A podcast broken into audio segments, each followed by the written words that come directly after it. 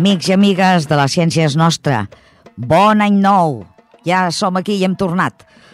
Doncs bé, espero que estigueu molt bé, que hagueu passat un Nadal eh, bé i posem-se. Eh, comencem amb una mica d'agenda dels dies que vindran.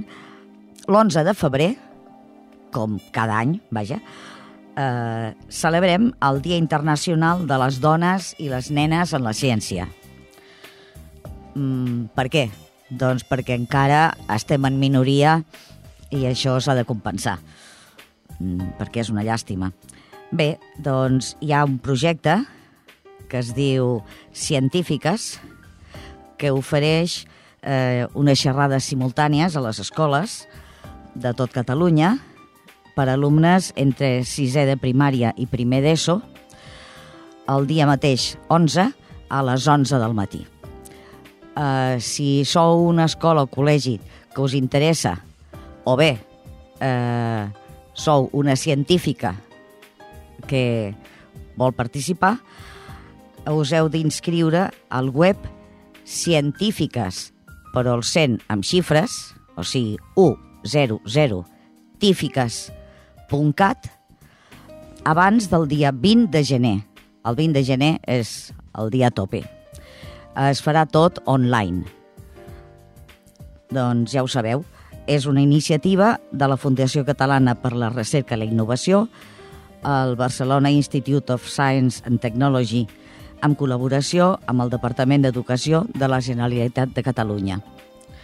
I l'objectiu, com ja us estic dient, és fer visible i destacar la rellevància i el paper estratègic de les dones a la ciència i la tecnologia. Bé, seguim amb el mateix tema, perquè és la notícia d'aquests dies. Tenim el projecte No Mor Matildes, eh, que és un nom molt curiós.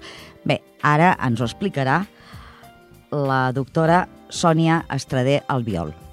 Per presentar-la us diré que és una científica catalana, llicenciada en física, doctora en nanociències per la Universitat de Barcelona, investigadora, professora a la mateixa universitat, divulgadora científica, sobretot per fomentar les disciplines de ciència, tecnologia, enginyeria i matemàtiques entre les noies, i és presidenta de l'Associació de Dones Investigadores i Tecnòlogues de Catalunya. Eh, doncs, bona tarda, Sònia. Hola, bona tarda. Et sembla bé la presentació? Vols eh, afegir-hi alguna cosa més? O... No, bé, potser també que formo part de l'Assemblea Feminista de la UB. Molt bé. Veus, això se'ns havia quedat aquí al, al tinter. Ah, doncs bé, estem parlant del Dia Internacional de les Dones i les Nenes a la Ciència, que serà el proper 11 de febrer, bueno, com, com cada any ho celebrem. Eh, doncs parlem de quina és la situació actual, quina és la distribució de sexes a aquestes carreres de, de ciències, diguem, ciència, tecnologia, tot això. Bé, hi ha, hi ha el que anomenem eh, segregació horitzontal, que vol dir que tenim molt poques noies en alguns estudis, en particular, doncs, en el cas de física estem com al voltant del 27% de noies, en el cas d'enginyeria informàtica al voltant del 15%, Mare meva. i en el cas d'enginyeria electrònica encara menys, en el conjunt de l'Estat és com un 13%. Són unes xifres veritablement baixes. I entre els professionals, després, un cop acabar els estudis? Uh, clar, una mica es mantenen aquestes proporcions en el total de professionals. El que passa és que aquesta segregació horitzontal que dèiem se suma a una segregació vertical, és a dir, que en els punts més alts de, de la carrera, sigui a la indústria, sigui a l'acadèmia, doncs hi trobem també molts més homes. Ah, sí. Aleshores, fins i tot en, en professions més feminitzades, um, per exemple, medicina, no? Sí. que hi ha com un 75% de, de noies estudiant aquesta carrera. Um, després els caps de servei, eh, els hospitals, eh, els catedràtics, són com un 80%, no? La majoria homes. Exacte. Mm -hmm. Eh, bé, doncs hem constatat que hi ha una diferència mm, brutal, vaja. Eh, per què és un problema? Explica'ns-ho per si algú encara no, no ho veu clar. És un problema per, per molts motius, no? Um, en primer lloc, ara estem en plena revolució tecnològica, tot el que té a veure no? amb, amb tecnologies de comunicació i amb la revolució del silici i de més, i veiem que com més important es fa això en les nostres vides, menys proporció de dones hi ha justament en aquests camps que tenen a veure amb, amb l'electrònica, amb la informàtica, amb la física, amb l'enginyeria de telecomunicacions, etc. No? I, I clar, si qui desenvolupa la tecnologia és un tipus molt particular de persona, doncs farà una tecnologia que estarà al servei d'aquest tipus particular de persona i de la idea que, que té aquest tipus particular de persona de, de com ha de ser la societat. No? Uh -huh. D'altra banda, també sabem que els equips diversos donen millors solucions, perquè tenir diferents punts de vista sumant a l'hora de desenvolupar una tecnologia doncs ens permet també ser més eficients. O sigui, no només fer tecnologia per tothom, sinó fer-la millor. I eh, hi ha, un, hi ha diversos estudis que ens indiquen que eh, trencar aquesta, aquesta bretxa de gènere en les professions tecnològiques a Europa tindria uns efectes molt significatius sobre el PIB europeu. Ah, sí, que fins i tot a l'economia seria molt, molt beneficiós. Exactament. Eh, per què es produeix això? Què passa? Que a les noies no ens agraden les ciències o, o la tecnologia? O, o què passa? Bé, hi ha diferents um, estereotips de gènere que entren, que entren aquí, no? Um, per exemple, hi ha diferents estudis que ens diuen que assumim els estereotips de gènere i els tenim ja completament integrats cap als 6-7 anys. I just és en, aquesta, en aquest moment no, de les nostres vides, cap als 6-7 anys, que les nenes ja comencen a pensar que són menys llestes que els nens i que en particular se'ls donen pitjor les matemàtiques sense que això es correspongui amb la realitat. O sigui, se'ls dona igual de bé o de malament que els seus companys. Eh, D'altra banda, també hi ha, hi ha altres estudis que s'han fet en, en el conjunt de, de l'Estat, per exemple, un, un estudi de la Fundació Telefònica, que està molt bé, eh, on van preguntar a estudiantat de secundària eh, quines característiques creien que havia de tenir una persona que es dediqués a les ciències experimentals o a l'enginyeria sí. i quines característiques havia de tenir algú que es dediqués, per exemple, a la medicina, no? Sí. I van trobar que les característiques d'algú que s'hagués dedicat a la física o a l'enginyeria eren característiques que aquests i aquestes adolescents consideraven que eren característiques masculines, com ser una persona competitiva, ser una persona individualista, ser freda, no? Mentre que eh, les característiques d'algú que s'hagués de dedicar a la medicina o, o altres professions biomèdiques, per exemple, ser una persona que es preocupa pels altres, ser així com obedient i, i similar, doncs eren característiques que veien associades amb ser dones. A més, eh, hem de dir que la ficció audiovisual no ens està ajudant massa. Eh, si pensem en el, en el personatge aquest, no? el Sheldon Cooper de, de Big Bang Theory, doncs dona aquesta idea d'una persona molt intel·ligent però amb molt poques habilitats socials. Aleshores, si, si pensem que els estereotips de gènere per les dones és com preocupar-se pels altres, cuidar els altres i d'alguna manera realitzar-se a través de la relació amb els altres, doncs aquest, aquesta idea de, de científic friki, diguem, doncs està molt poc alineat amb els estereotips de gènere propis de, de les dones, no? És molt trist perquè, més, és fals, això. Uh, vaja, no sé, jo la gent que conec de, de ciències de molts camps, cap d'ells no s'assembla al Shendol Cooper mm, de, de cap de les maneres. No sé, som gent eh, humana, que ens interessem pels altres, que tenim aficions vaja, no som robots, eh, no?, de cap de les maneres. En fi, i doncs què podem fer per intentar revertir aquesta situació o doncs, compensar-la? Doncs, doncs una de, de les coses que estem intentant fer és donar referents, no?, justament per, per tenir la idea que algú que fa ciència o tecnologia no és Sheldon Cooper, sinó que hi ha moltes dones eh, amb, amb vides molt diferents, amb interessos molt diferents, eh, que es dediquen a la ciència i han tret resultats excel·lents, no? Aleshores, des de, des d'Amit hem tret un, una campanya que es diu No humor Matilda, una mica per visualitzar aquest referent. Eh, Fes-nos cinc cèntims de la campanya.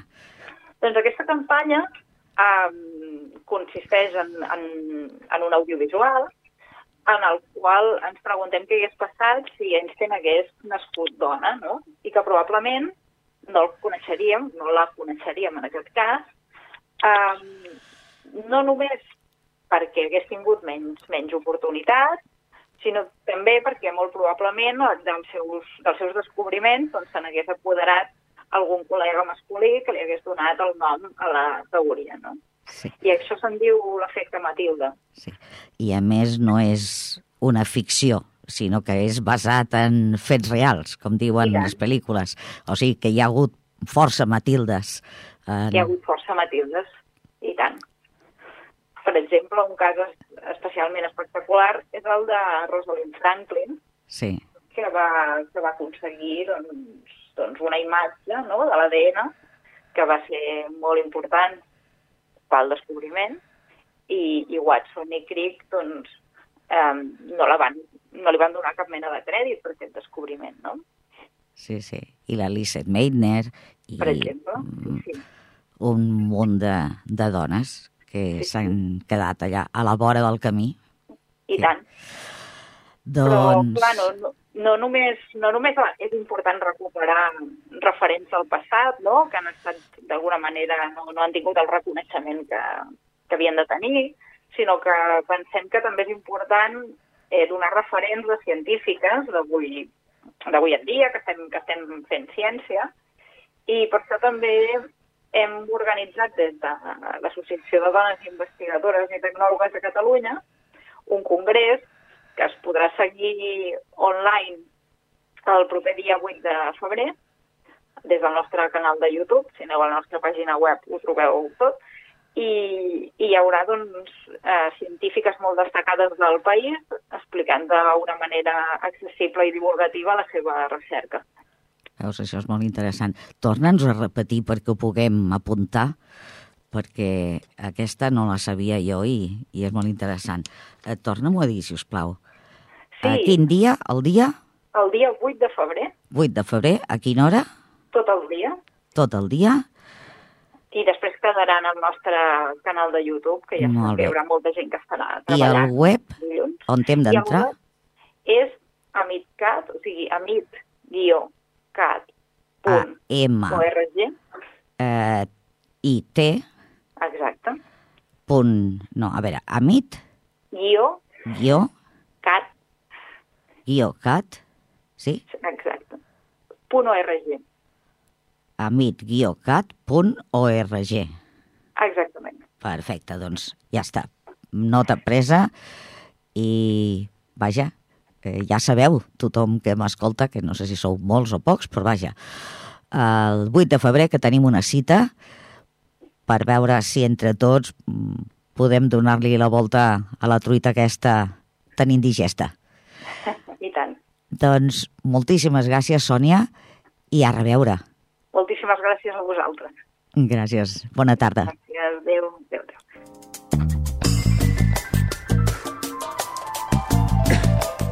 Tenim amb nosaltres l'Antonio Espanya, que és d'aquí de Ripollet, i ens acompanya a l'estudi, i ens parlarà dels ocells que podem trobar a Ripollet. Eh, buenas tardes, Antonio. Buenas tardes. Preséntate tú mismo, anda.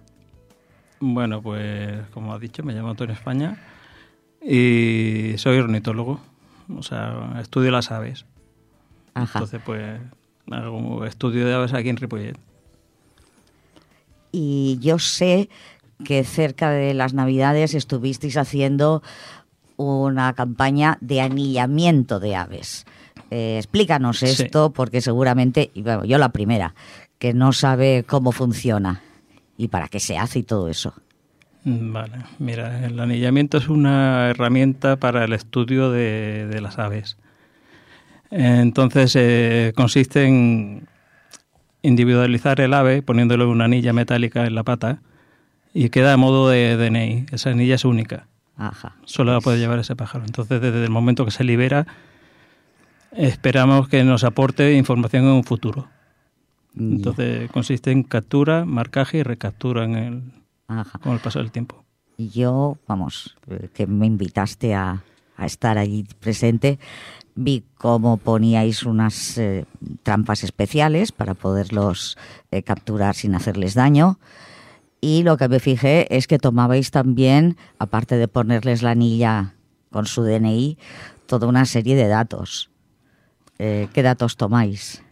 Mm, sí, o sea, lo primero es identificar el ave. Si no se sabe qué ave es, la no especie. Se puede, la especie no se puede no se puede poner la anilla. Entonces, una vez que se le hemos puesto, pues tomamos todos los, todos los datos biométricos medida de ala, la edad que tiene, el sexo, si se sabe, el peso y, bueno, alguna medida más.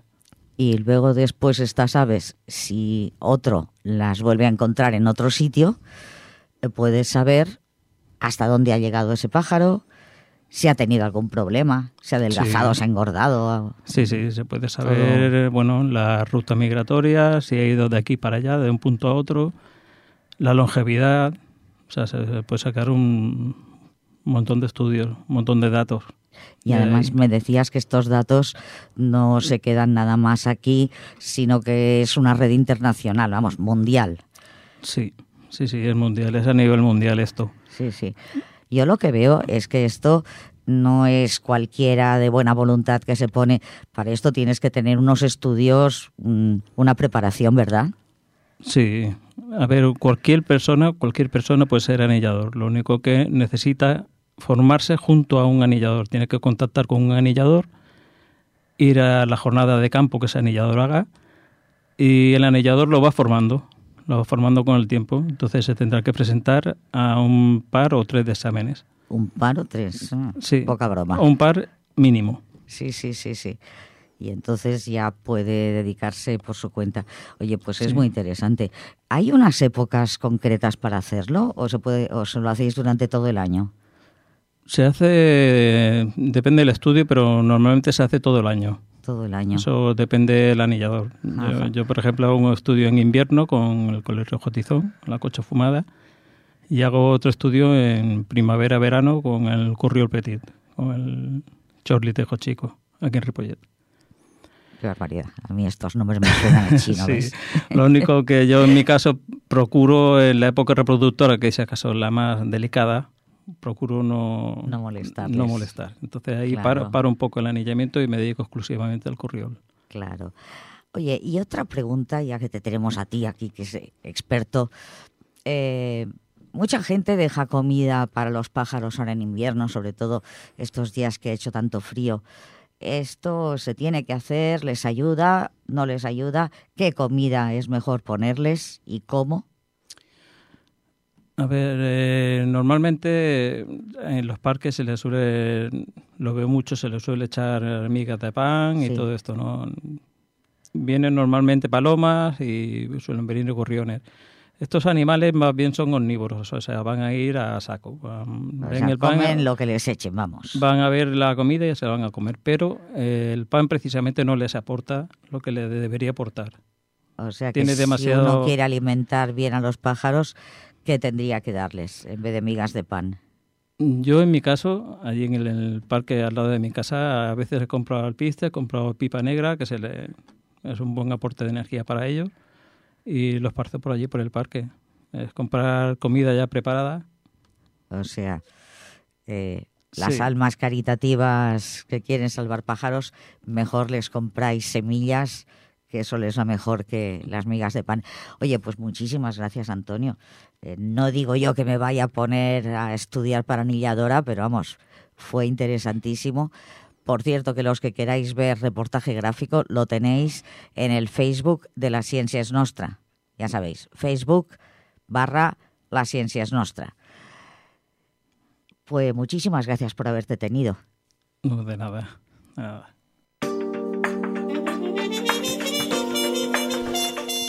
De vegades ens sembla que això de la recerca biomèdica es fa només a les grans potències, als grans laboratoris, Pfizer i aquestes coses. Uh, però sabeu que també a casa nostra s'està fent investigacions i concretament uh, hi ha un grup de gent que estan treballant amb una nova vacuna. Ens en parla el doctor Salvador Borrós, de l'Institut Químic de Sarrià. Doctor Borrós, en primer lloc, moltíssimes gràcies per uh, aquesta estona que ens concedeix Voldria que es presentés vostè mateix. Soc Salvador Borrós, professor catedràtic de material a l'Institut Químic de Sarrià, l'IQS, de la Ramon Llull, de l'Universitat Ramon Llull, i estic al Departament de Bioenginyeria i d'Enginyeria Química i Materials i em dedico fonamentalment a desenvolupar materials per a aplicacions biomèdiques. Parlem del projecte aquest Covid Nanovax. És un projecte finançat per l'Institut de Salut Carlos III dins de la convocatòria, diem, Covid, que es va fer el mes d'abril de l'any passat, que és per desenvolupar una vacuna de mRNA pel Covid. Nosaltres tenim experiència desenvolupant sistemes d'encapsulament d'ARN. Vam proposar que es podia utilitzar per desenvolupar una vacuna d'ARN. Ells van veure que era possible i ens van finançar perquè poguéssim fer aquesta prova de concepte. O sigui, és una altra vacuna diferent però també basada en l'ARN missatger. Parleu una mica d'aquesta tecnologia que la gent li fa, eh, la desconeix i fa una mica de por. Des de quan fa que es fan investigacions amb aquesta tecnologia? No, més de 60 anys. De fet, hi ha un Premi Nobel de Severo Ochoa que està relacionat també amb, el coneixement de l'ARN i a la seva funció. L'ARN es, es coneix des de fa molt de temps. Des del punt de vista de l'aplicació com a vacunes, van començar a desenvolupar fonamentalment per l'oncologia contra el càncer Sí. I hi ha dos fets que fan que això es desenvolupi ràpidament. El primer és que s'aconsegueix poder fer aquest ARN missatger de manera més fàcil al laboratori i, a més, molt estable. I després es desenvolupen, que aquesta és la nostra experiència, eh, sistemes d'encapsulament, de protecció d'aquest ARN missatger que permeten que sigui injectat i que et pugui arribar al lloc que vols. Està encapsulat, està protegit fins que arriba al lloc on genera una proteïna o genera una resposta immune amb les cèl·lules immunes del cos, les cèl·lules dendrítiques, que això fa que actuï com una vacuna sense la necessitat d'injectar els virus atenuats, que és la manera tradicional de fer les vacunes. Aquí el que fas és que aquest ARN entri a la cèl·lula que tu vols, produeixi la proteïna... La famosa proteïna, aquest espai... Bueno, la S, la S1, aquestes proteïnes que són les que que són les que fan que s'enganxi a les cèl·lules. Sí, sí, Ahà. correcte. I llavors, una vegada el sistema immune l'ha despertat contra aquesta proteïna, tot allò que porti la proteïna, és a dir, el virus, serà detectat pel sistema immune i, per tant, actuarà eliminant-lo. L'ADN està al nucli de la cèl·lula, sí. llavors produeix l'ARN missatger aquest que surt del nucli uh -huh. i, diguem, porta aquest missatge de produir unes determinades proteïnes als ribosomes. I tot això està fora del nucli. Llavors, en Correcte. aquest cas, la gràcia és que en comptes d'injectar aquesta proteïna, diguem, dolenta, el que fem és que la produeix el propi cos. Sí, i amb una sofisticació que a més fa que les cèl·lules immunes, pròpiament les dendrítiques, sí. siguin les que madurin amb aquest ARN missatger. Una immunitat molt més eh, potent que quan es fa servir el mètode tradicional. Bueno, sí, podria ser. Amb el sistema tradicional hi ha molta més experiència, sí. però conceptualment podria ser molt més potent, sí. I suposo que també és per això que entre les últimes vacunes de nova generació hi ha tantes que fan servir això de l'ARN messatger, no? Sí, sí. Uh, ja hem començat a parlar dels avantatges i inconvenients que tenen els sistemes tradicionals i aquesta sí. tecnologia nova. Jo diria que els avantatges és que una vegada ja coneixes quina és la proteïna que has de fer servir, produir l'ARN missatger actualment és relativament senzill. Ja s'ha vist que el desenvolupament de les vacunes va molt més ràpid i que no estàs afegint cap tros de virus, encara que sigui atenuat, només estàs produint una proteïna, però a més amb el lloc adequat i per tant això és un avantatge claríssim i probablement inconvenients, home, que no hi ha tanta experiència i després que... Bueno, no hi ha tanta experiència, vacunes... però que es treballa amb, amb l'ARN missatger ja fa anys. Sí, sí, sí, sí correcte. Que... Jo estic esperant que em toqui el torn per posar-me la vacuna, vull dir, no tinc cap, cap mena de dubte de la seva seguretat seguretat i l'altre inconvenient d'algunes d'aquests sistemes d'encapsulament, com el de Pfizer, sí. és que ha de treballar a temperatures molt ah, baixes de conservació ah, i això també punt, ho, sí. ho, ho complica. I estan veient com són capaços de produir quantitats altíssimes de vacunes en poc temps. Vull dir que... Bueno, és un problema per la distribució. Correcte, però no per la fabricació. Sí. Centrem-nos en la vostra vacuna Covid Nanovac. A veure, eh, ara ja tenim eh, dues vacunes similars. Llavors, a quin sentit té continuar amb una altra? -huh. És una molt bona pregunta i és la pregunta que ens hem de fer Clar. Jo crec que, primer, que la tecnologia és necessària tenir-la desenvolupada perquè poden arribar altres pandèmies sí. i, per tant, si tu tens la teva pròpia tecnologia i la pots aplicar, ja no depens d'altres proveïdors. I des del punt de vista com a país, eh, jo crec que és interessant disposar d'alternatives. La segona és que, per exemple, aquestes vacunes que comentàvem tenen alguns problemes de emmagatzematge a temperatures baixes sí. o de dosis repetides, etc sí. etc. Sí. El nostre sistema, justament, eh, està treballat per poder eh, guardar-se a la nevera de casa. Per tant, això és un avantatge. Sí, sí. I, a més, amb el nostre sistema també, eh, si et fixes, l'inconvenient que diuen és que si la persona és, té molta al·lèrgia, sí. és millor que no s'hi posin sí. per, pel sistema d'encapsulament.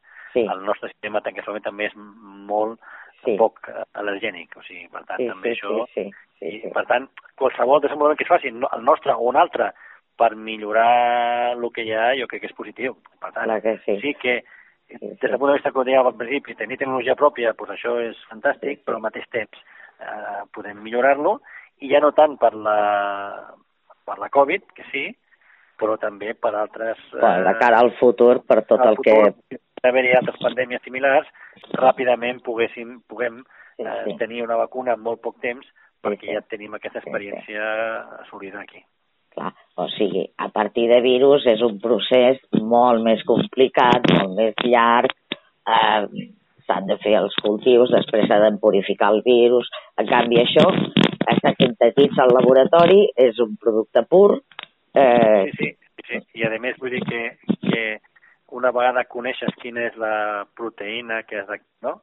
Sí. que has d'anar per ella, Sí, sí. eh, com deia el, el, el CEO de BioNTech, que deia si hem de fer una altra vacuna ara, vull dir, en sis setmanes la tenim feta, perquè és Sí, veritat, sí, sí. has de buscar eh, quina és eh, la proteïna, generar el plàsmid, del plàsmid a l'ARN missatger, i ja pots estar produint, i com és el mateix sistema, doncs ja no, ja s'ha vist que segur, no, no, no, no hi ha cap problema. Sí, sí. La veritat és des que d'això no hi ha.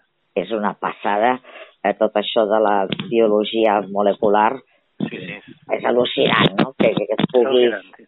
eh, eh, vaja, tenir ja totes les dades de... A veure, per produir aquesta proteïna, que és d'aquesta forma, té aquesta seqüència, doncs res, tu, tenim aquí ja en un moment, sabem com l'he de fer.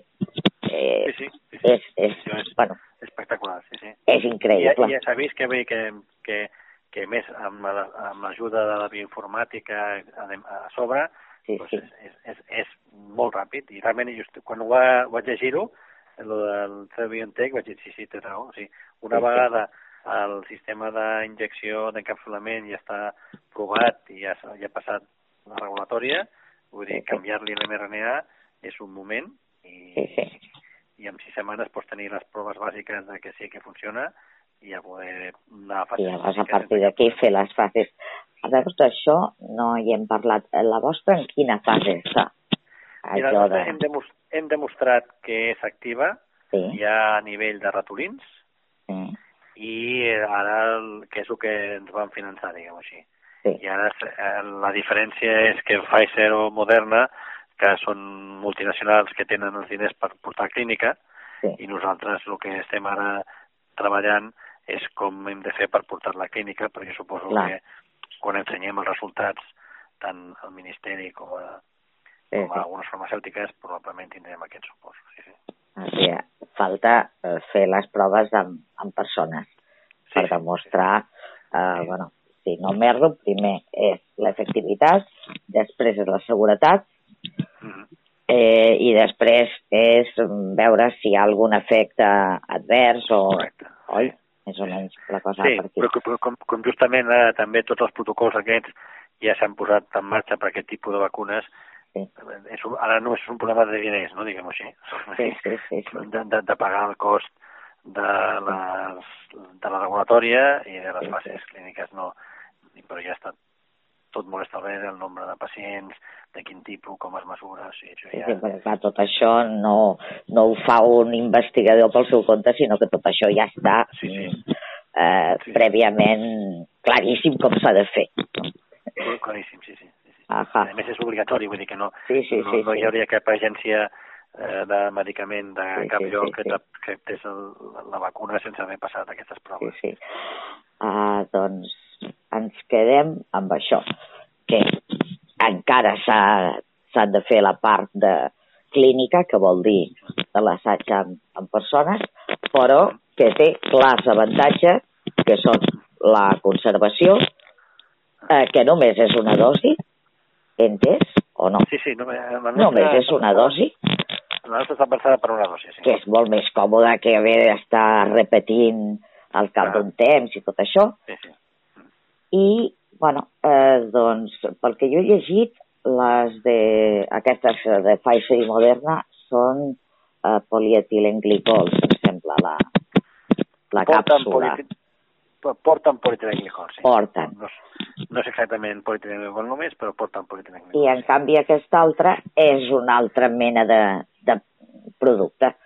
Sí, és un És- polímer, bio, un polímer sí. biodegradable, sí. Sí, i per això mm, s'estima que no provoca tantes reaccions al·lèrgiques, no? perquè de vegades l'al·lèrgia ve d'aquí, dels, dels polietilenglycols. Ah, és un resum, o sigui, per tant, s'hauria matisar una mica més, però sí, sí, Sí, com, com sí, a, sí. perquè ens entenguem, seria això, sí, sí. Doncs, vaja, pinta molt bé. Aviam si, si es pot acabar totes les fases de la investigació i malauradament, si no és per aquesta, doncs per la propera que ens vingui, que, que vaja, eh, que ho tenim, no perquè el Bill Gates sigui molt dolent, sinó perquè és que és la realitat, que cada vegada eh, ens anirem trobant ens anirem trobant amb més d'aquest tipus de, de problemes. No vam tenir el MERS, bueno, que no el vam patir nosaltres, va, el vam patir a l'Àsia, però vaja.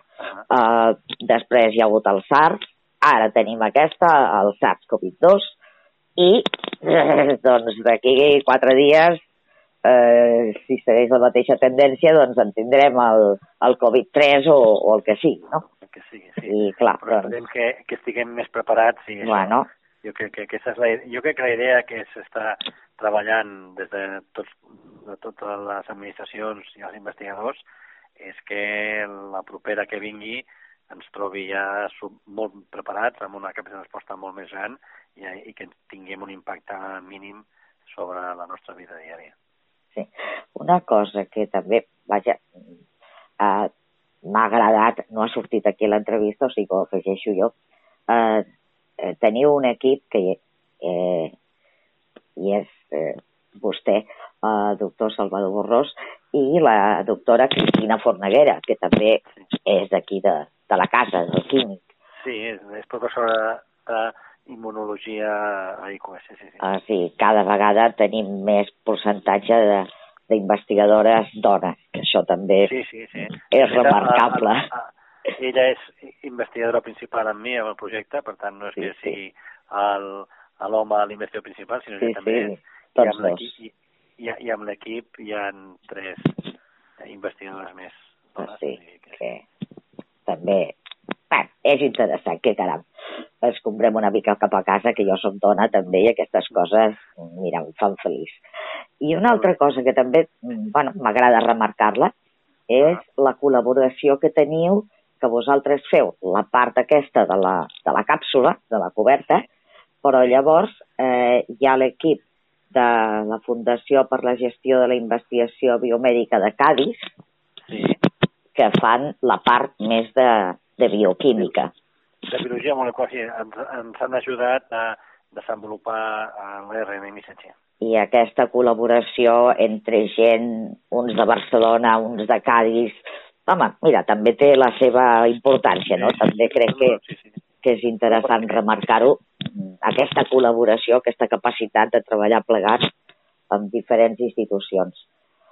I, bueno... Que ara, sí. si no col·labores, no, no pot. Els projectes són massa complexos sí, sí. per fer-los només un sol. Sí, sí. I la participació del Ministeri de Ciència i Innovació, el senyor Pedro Duque, que també és qui ha portat una part de, del finançament. Sí, sí, el finançament que, i realment bueno, es van posar ràpidament a, a ajudar-nos i intentar fer sí, sí. el més fàcil possible. I, sí, que vaja, que per un cop a la vida sembla que des del govern eh, s'està ajudant la ciència i la investigació. Sí. I això... A veure, a veure. És, és una novetat molt interessant, no? Perquè semblava que això que investiguin ells, eh, pues, ens estem començant a donar que, que això no pot ser. Doncs, bueno, no ho sé, cal afegir alguna cosa més? Eh, no, no, jo crec que ha quedat tot molt clar, sí, sí. Eh, doncs, moltíssimes gràcies, moltíssima sort, sobretot això, a, al finançament i a la possibilitat d'acabar de, fer totes les proves d'aquestes clíniques. I vaja, doncs, eh, esperem que trigui molt en venir la propera, sí. la propera malaltia, però almenys que ens agafi preparats. Que ens agafi preparats. I de moment, amb aquesta, eh, doncs, tant si és eh, la de Pfizer com la de Moderna, com bueno, les altres que són més tradicionals, doncs a la primera oportunitat que tinguem, vaja, jo també, de cap a posar el braç a que em posin la vacuna. Sí, sí, sí, no, directe. Sí, sí. Això, vaja, claríssim. Jo per descomptat, sí, sí. Claríssim. Doncs moltíssimes gràcies per aquesta estoneta i, i a reveure. Molt bé, perfecte. Moltes gràcies. Adéu, Salvador. Adéu.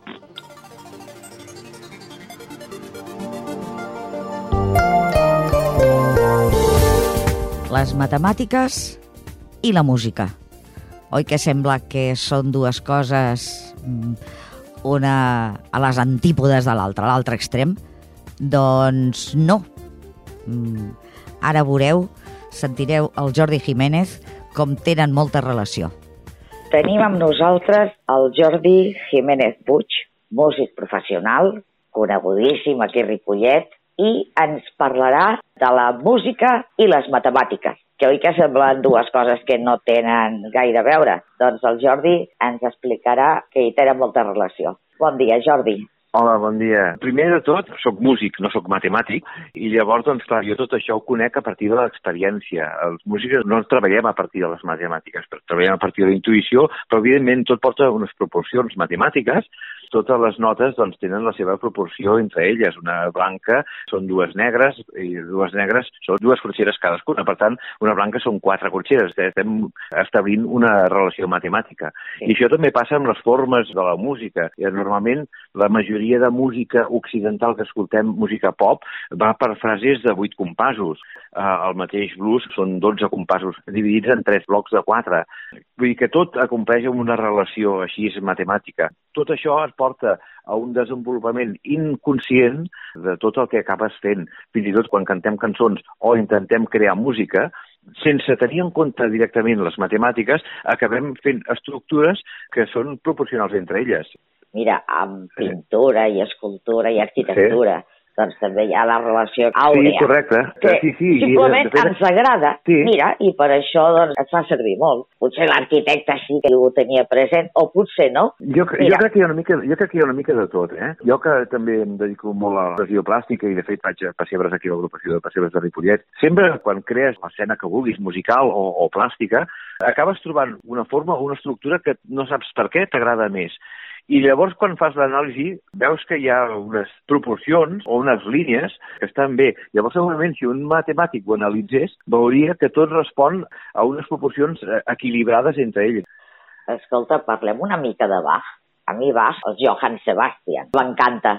Té alguna cosa que és gairebé com jugar, ara la poso del dret, ara del revés, ara no sé què. Sí, de fet, Bach tenia aquesta habilitat. No conec ben bé les seves eh, habilitats matemàtiques, ni si feia servir eh, la matemàtica d'una manera conscient. Jo crec que estava dotat d'un sentit segurament innat, les habilitats eh, en aquest aspecte, no? Val? Jo m'he escoltat Bach a través de l'ordinador, escrivint les notes amb l'ordinador i prou, que sona horrible, però no saps per què, jo també t'agrada. Hi ha alguna hi ha una essència musical a dins de, de la música de Bach. Sona bé. Sí, sí, sí. Evidentment, eh, no, no ho canvio per un músic de veritat tocant, perquè Home. hi ha una altra part, una dialèctica diferent a l'hora d'interpretar, no? Hi ha alguna cosa, l'essència de la música de Bach, que fa que sigui superior a les altres. Com Bach, Mozart i altres compositors també ho han fet, eh? Jugar amb la matemàtica, amb el fer caps i cues... De fet, Bach té obres que es poden tocar a l'inrevés. Agafant la partitura, la comences al començament, o la gires, o la, eh, comences a llegir per la cua, i sonen igual. Bueno, això no està fet d'una manera inconscient. Ha d'estar fet a posta. Segur, segur. Però eh, i que soni bé, això és però, el que té mèrit. Sí. Però això és gràcies uns compositors que a vegades amb una melodia troben la manera de, amb quatre notetes ben senzilles, es sí, sí. una gran obra. Beethoven, per exemple, és...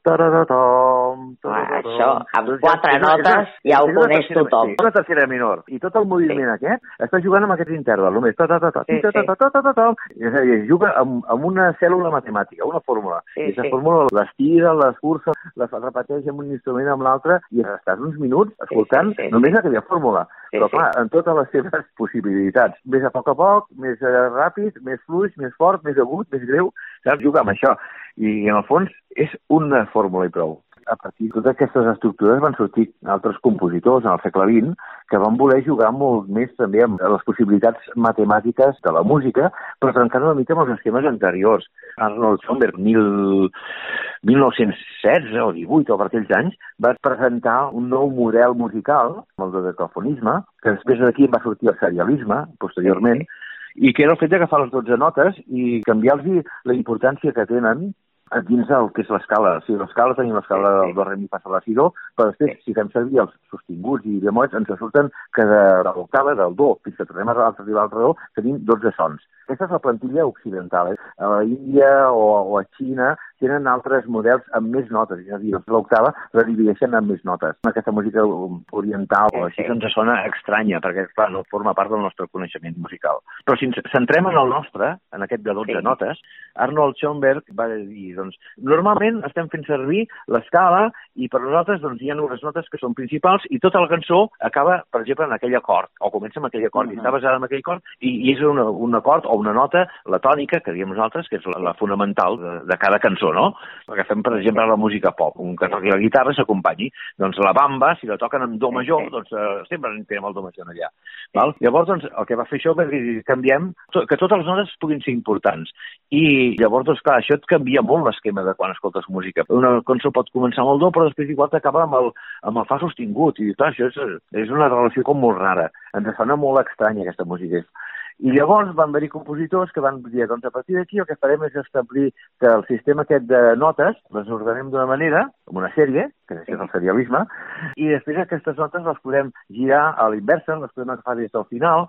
Jugar amb la sèrie de notes. Però tots aquests experiments, i n'hi van haver d'altres, es van experimentar amb molta, amb, de moltes maneres.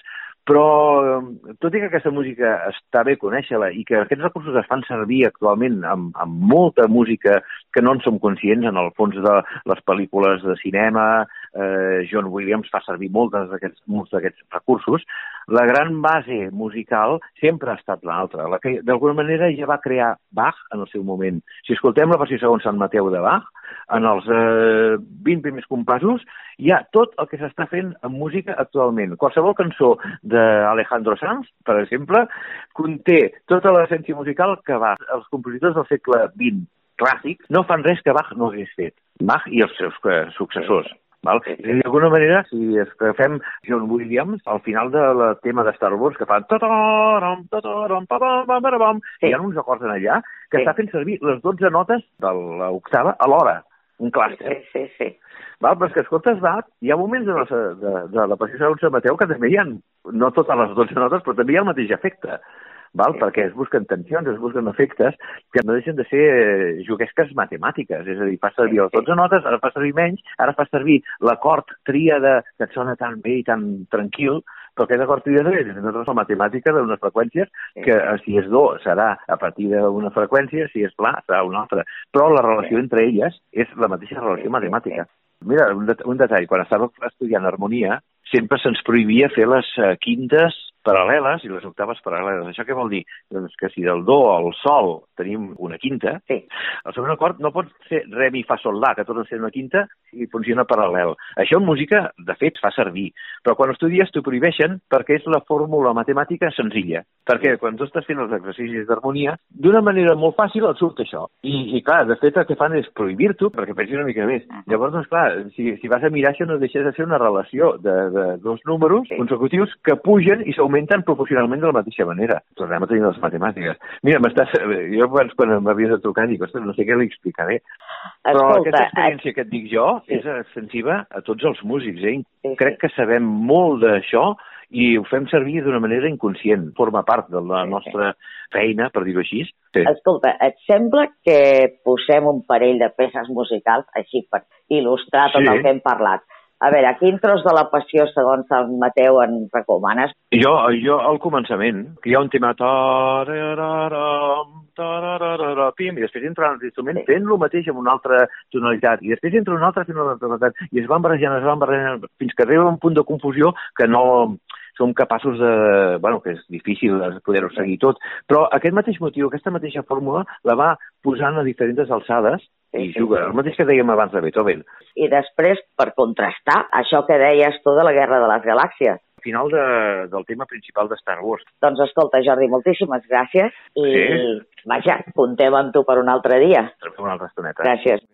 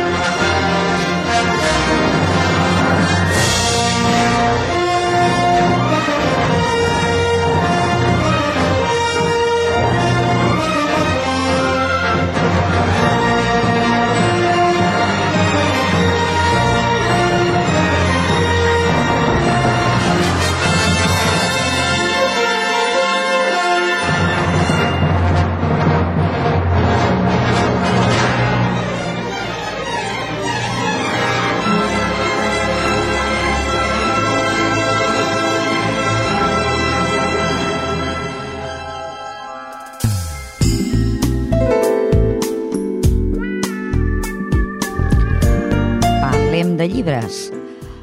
Bé, eh, portem uns mesos que estem fent, eh, tant si es vol com si no, un curs accelerat de biologia, bioquímica i totes aquestes coses.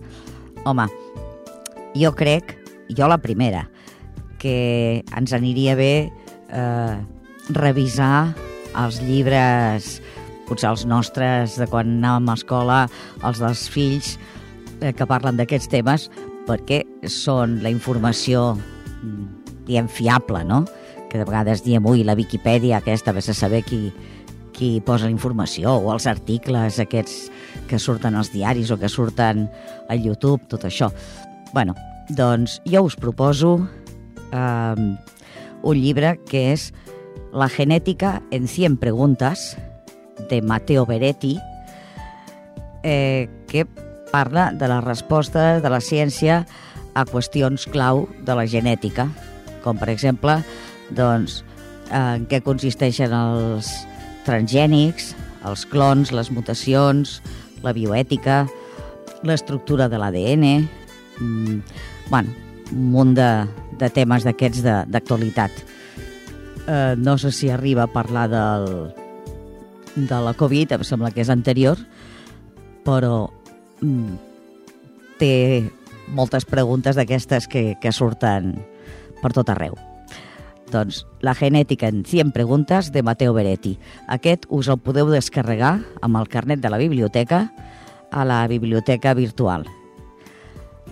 Un altre llibre que també eh, us podeu descarregar es diu Bulos científicos de la Tierra plana al coronavirus. Aquest sí que veieu que és ben recent. L'autor és Alexandra López Borrull.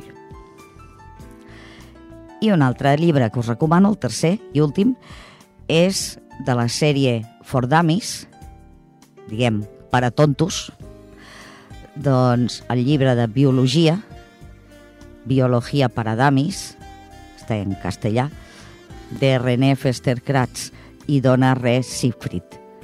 Aquest llibre el podeu trobar en paper i també en format electrònic.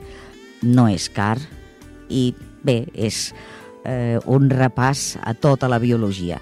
Si us voleu centrar en la bioquímica, també hi ha el Bioquímica for Dummies, però aquest està en anglès.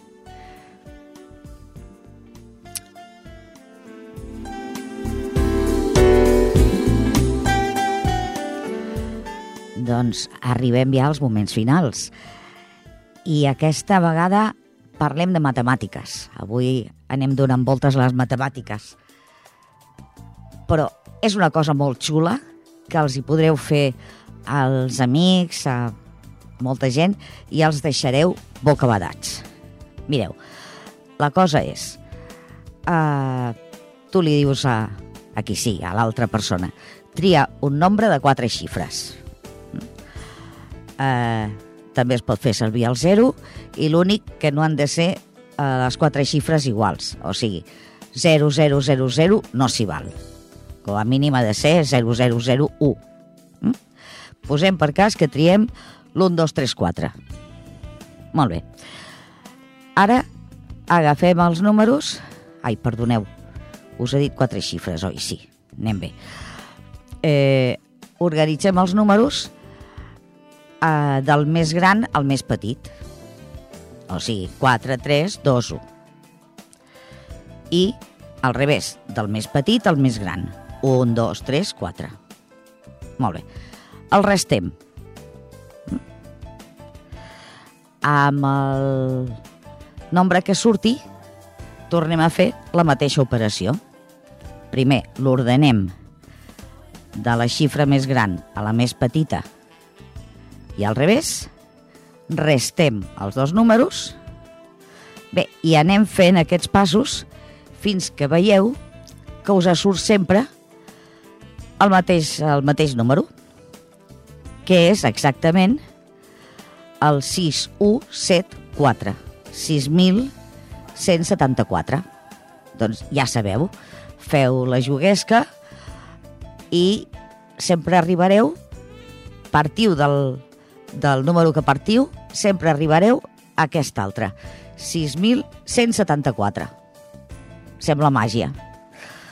Bé, eh, aquesta xifra, aquest eh, nombre, eh, es coneix com la constant de Caprecar.